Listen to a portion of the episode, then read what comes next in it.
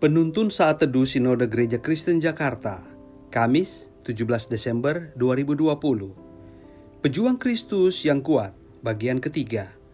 2 Timotius 2 ayat 6.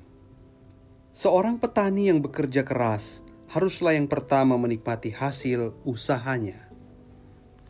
Beberapa bulan lalu, saya dikejutkan oleh teriakan istri dari perkarangan depan pastori kami Sambil menunjukkan jarinya ke arah pohon cabai, ia berkata bahwa pohon cabai tersebut adalah tanaman yang telah ia tanam beberapa minggu sebelumnya dan sekarang sudah menghasilkan buah.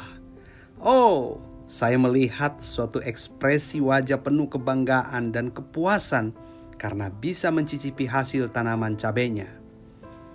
Inilah gambaran hidup seorang petani yang yakin bahwa apa yang dikerjakannya akan membuahkan hasil. Saudaraku, hubungan kita dengan Tuhan yang kita bangun setiap harinya, firman Tuhan yang kita baca dan kita praktikkan setiap hari, doa yang kita panjatkan tiap hari, ibadah yang senantiasa kita ikuti baik pada hari Minggu maupun di hari-hari yang lain. Semuanya itu adalah sama dengan lahan pertanian yang sedang kita olah dan kita tanami dengan tanaman yang kemudian kita pelihara hingga akhirnya kita panen hasil buahnya. Mungkin ada waktunya pembacaan firman Tuhan menjadi sangat membosankan atau bahkan doa-doa yang kita panjatkan terasa tidak terdengar oleh Tuhan. Mungkin juga kita merasa sia-sia datang ke ibadah atau persekutuan. Tetapi ketika kita tetap tekun melakukan semuanya itu, tanpa menghiraukan kejenuhan dan kelelahan yang kita rasakan, maka pada akhirnya kita akan menuai hasilnya.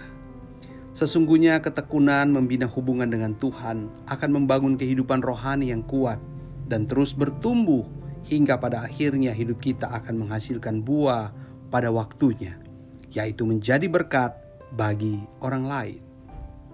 Bapak Ibu, menjadi pejuang Kristus yang tangguh seperti seorang petani merupakan suatu hal yang luar biasa kita akan tetap bisa menghasilkan buah kehidupan Kristen di tengah-tengah hantaman badai COVID-19. Bukan saja sanggup berbuah di tengah badai corona, tapi sanggup mematahkan segala tipu daya si iblis, memenangkan setiap masalah yang kita hadapi dan bahkan menjadi berkat bagi banyak orang.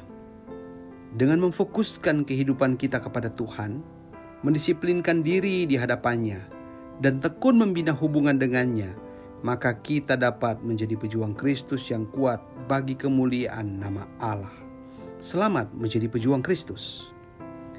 Orang Kristen yang sehat adalah orang Kristen yang sanggup menghasilkan buah meski di tengah-tengah badai COVID-19. Tuhan Yesus memberkati.